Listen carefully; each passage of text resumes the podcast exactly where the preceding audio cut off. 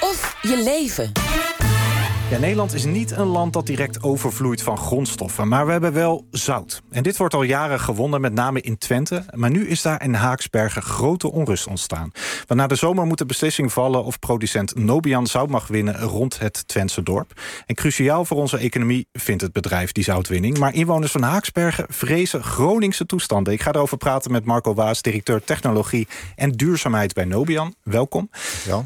Um, ja, laten we meteen even bespreken over wat voor zout we het überhaupt hebben. Want dit is geen zout wat ik op mijn eitje doe. Nee, nee, nee. De meeste mensen denken aan een eitje of zout op eitje in het weekend. Ja. Maar wat wij doen is het uh, mijnen van zout. Het is een hele unieke situatie in Nederland. In, in Noordoost-Nederland, stukken van Duitsland en Denemarken... ligt een hele dikke zoutlaag. Ja. Die is al 250 miljoen jaar geleden neergelegd door het indampen van de zee.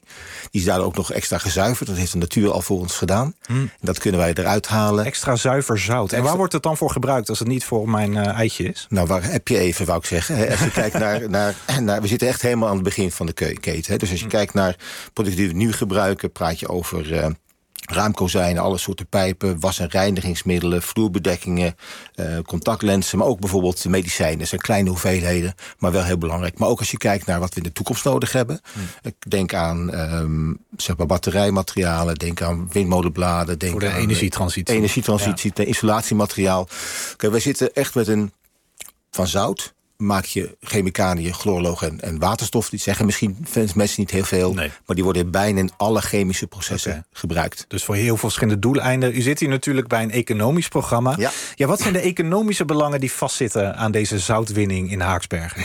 Nou, als je kijkt naar. ehm, wij hebben zelf hebben wij een bedrijf van 1600 mensen, waar ongeveer 1000 mensen in Nederland werken. We hebben zeven fabrieken in Europa, eh, met name in, in, in Denemarken en in eh, Duitsland en in Nederland. Ons hoofdkantoor zit hier en onze RD-afdeling zit hier. Maar dat is maar het begin. Hè. Die, die, die, het zout dat we uit de, uit de grond halen.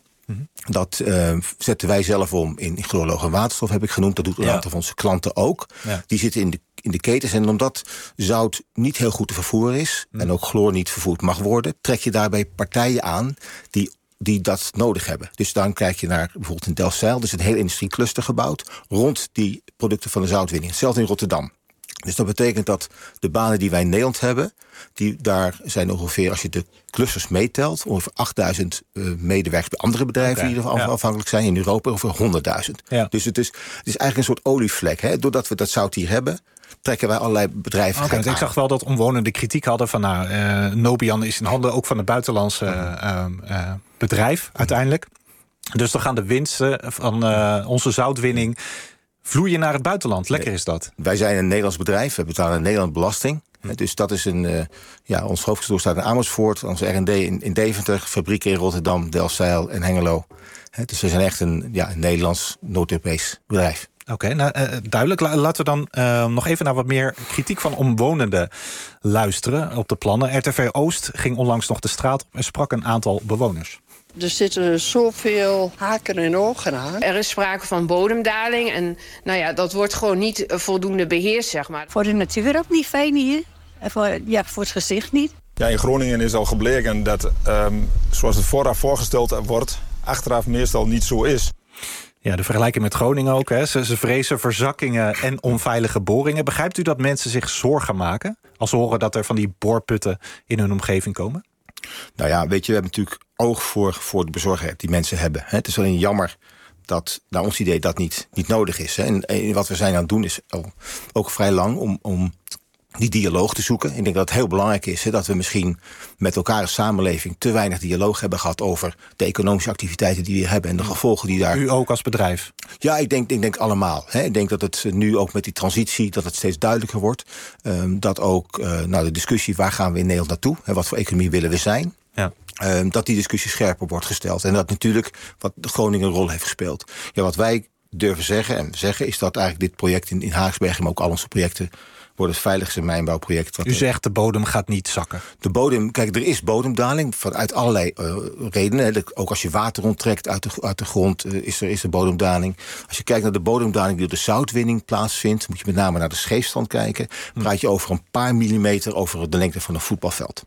Wij doen dat al, al 100 jaar in, in, in Twente en ook in andere plekken in, in, in Denemarken en, en in Groningen. Dus wij weten dat er bodemdaling is, maar die is heel beperkt en die heeft geen effect op, eh, Nee, precies. Met die Groningse toestanden, dat, dat de grond zo verzakt... dat er schade ontstaat aan de huizen. U kunt garanderen dat gaat niet gebeuren. Dat, gaat- dat gaat niet gebeuren, nee. In het, verleden, in het verleden zijn er wel diesellekkages geweest. Ook bij jullie zoutmijnen. In 1991 is er ook zo'n zoutkaverne. Dat is een soort leegte, hè, diep onder de grond... waar dat zout gewonnen is. Eh, is toen ingestort. Een soort sinkhole, een diep gat eh, levert dat op. Moeten omwonenden zich zorgen maken om die veiligheid? Dat zoiets weer kan gebeuren? Nee, dat durf ik te zeggen dat het niet weer kan gebeuren. Het is eh, ja, vervelend om over naar het verleden te wijzen. Dit zijn eh ja, cavernas. Die, die, die caverne in 91 die was in de 50 jaar is die gemaakt. Nou, als je nu kijkt naar auto's van 1960... dan zou je nu ook niet weer in willen rijden qua veiligheid. Dus wij, wij doen de nieuwste technologieën... en we kunnen aange- aangeven dat zo'n sinkhole-activiteit niet, niet meer zal Dat gaat niet meer gebeuren, Nee. zegt u. Ehm, ja, je zou kunnen zeggen, Nederland is een klein, dichtbevolkt land. Hè. Eh, Kunnen we dit soort activiteiten niet beter naar, naar dunner bevolkte buitenlanden eh, verplaatsen? Waarom moet het juist hier in Nederland? Nou, aangegeven al, we hebben die zoutlaag hebben we hier in Nederland. Dat is echt uniek. Die zijn niet op andere plekken.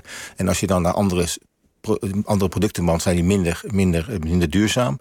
Maar ja, iedereen maakt natuurlijk zijn eigen keuzes. En we moeten als Nederland, als volk die keuze maken. Ja. Maar ik vind het eigenlijk niet kies om alle negatieve aspecten van ons consumptiegedrag naar het buitenland te brengen. Als je kijkt, laatst als je naar het CWP, die heeft gekeken dat eigenlijk als je naar alle producten die wij importeren, die leveren al een derde meer CO2-footprint dan de producten die we hier maken. Hmm. Hè, dus wat ook zo is dat wij hier in Nederland een echt heel goed toezicht hebben. Dat Ja. is misschien lastig vanuit een bedrijf, maar houdt ons wel heel erg scherp. Nou, hou- houdt jullie zeker scherp, eh, de toezicht. Want ehm, jullie zijn wel eens eh, door de inspectie ehm, ja, op, op de vingers getikt. Sinds 2016 staat Nobian onder verscherpt toezicht van het staatstoezicht op de mijnen. Ja.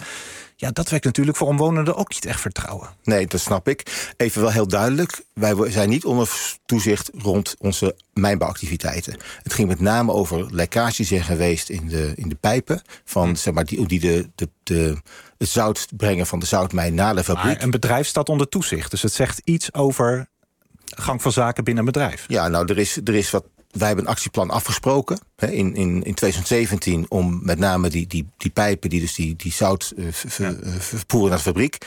En dat programma loopt. En zodra het afgelopen is, verwachten wij dat wij onder de toezicht uitkomen. Oké, nou, een, deel van de zorgen ga- eh, in Twente gaat ook over de 91 of 41 leegstaande cavernes. Dus van die, van die grote ruimtes. Het kan wel de grootte van een voetbalstadion hebben, geloof ik, onder de grond. Ja, ja die gaten in de grond die dus zijn achtergebleven. En die zijn potentieel instabiel. Die zijn niet instabiel. Kijk, het, het zijn niet lege ruimtes. Hè. Daar zit gewoon eh, brine in. En we hebben heel veel ervaring met het afsluiten van die cavernes. We hebben dit jaar de 25 afgesloten. En ja, we zijn ook, ook daar heel hard mee, mee bezig om, om, om dat te doen. Dus er zitten Ja, geen lege ruimtes. het, staatstoezicht op de mijnen zei wel... op deze manier kan het nog 100 jaar duren, zeiden ze tegen ons vandaag. Nou, maar, het, we zijn het aan het versnellen. En dat is een van de dingen die we met hun hebben afgesproken. Dus om dat programma ook Ja. te versnellen, daar zijn wij hard mee bezig. Ja. Nou, de komende maanden wordt het, eh, valt het besluit van de gemeente Haaksbergen. Wat betekent het voor jullie als dat niet gunstig uitvalt voor jullie? Dat het zout niet gewonnen mag worden daar? Nou, ik ga ervan uit dat het, eh, dat het gewoon doorgaat. We zitten op dit moment, vind ik, echt in een constructief eh, proces. Het is niet, niet makkelijk. Dat is ook de reden waarom ik hier ziet. We willen echt ook in, dat, in die dialoog zitten met de bevolking. Ik ga ervan uit dat dat, dat, dat gaat lukken. Vergunningsprocessen duren heel lang. Dus als dit proces niet doorgaat, ja, dan heb je wel een, eh, een probleem. Maar ik ga ervan uit dat we er met elkaar uitkomen. Dank voor deze toelichting. Marco Waas van het zoutwinningsbedrijf Nobian. Nou, tot zover geld of je leven voor vandaag. Hier zometeen één vandaag met Lammert de Bruin. Daar gesprek met minister Rob Jetten. Kan hij zijn klimaatmaatregelen nog wel uitvoeren nu het kabinet is gevallen? Wil je nou nog meer horen over economie en geld? Dan kan je ons ook beluisteren. Eh, De podcast Geld of je leven is te vinden in alle bekende podcast-apps. En op de site van NPO Radio 1. Ik wens u nog een hele mooie dag. Tot ziens.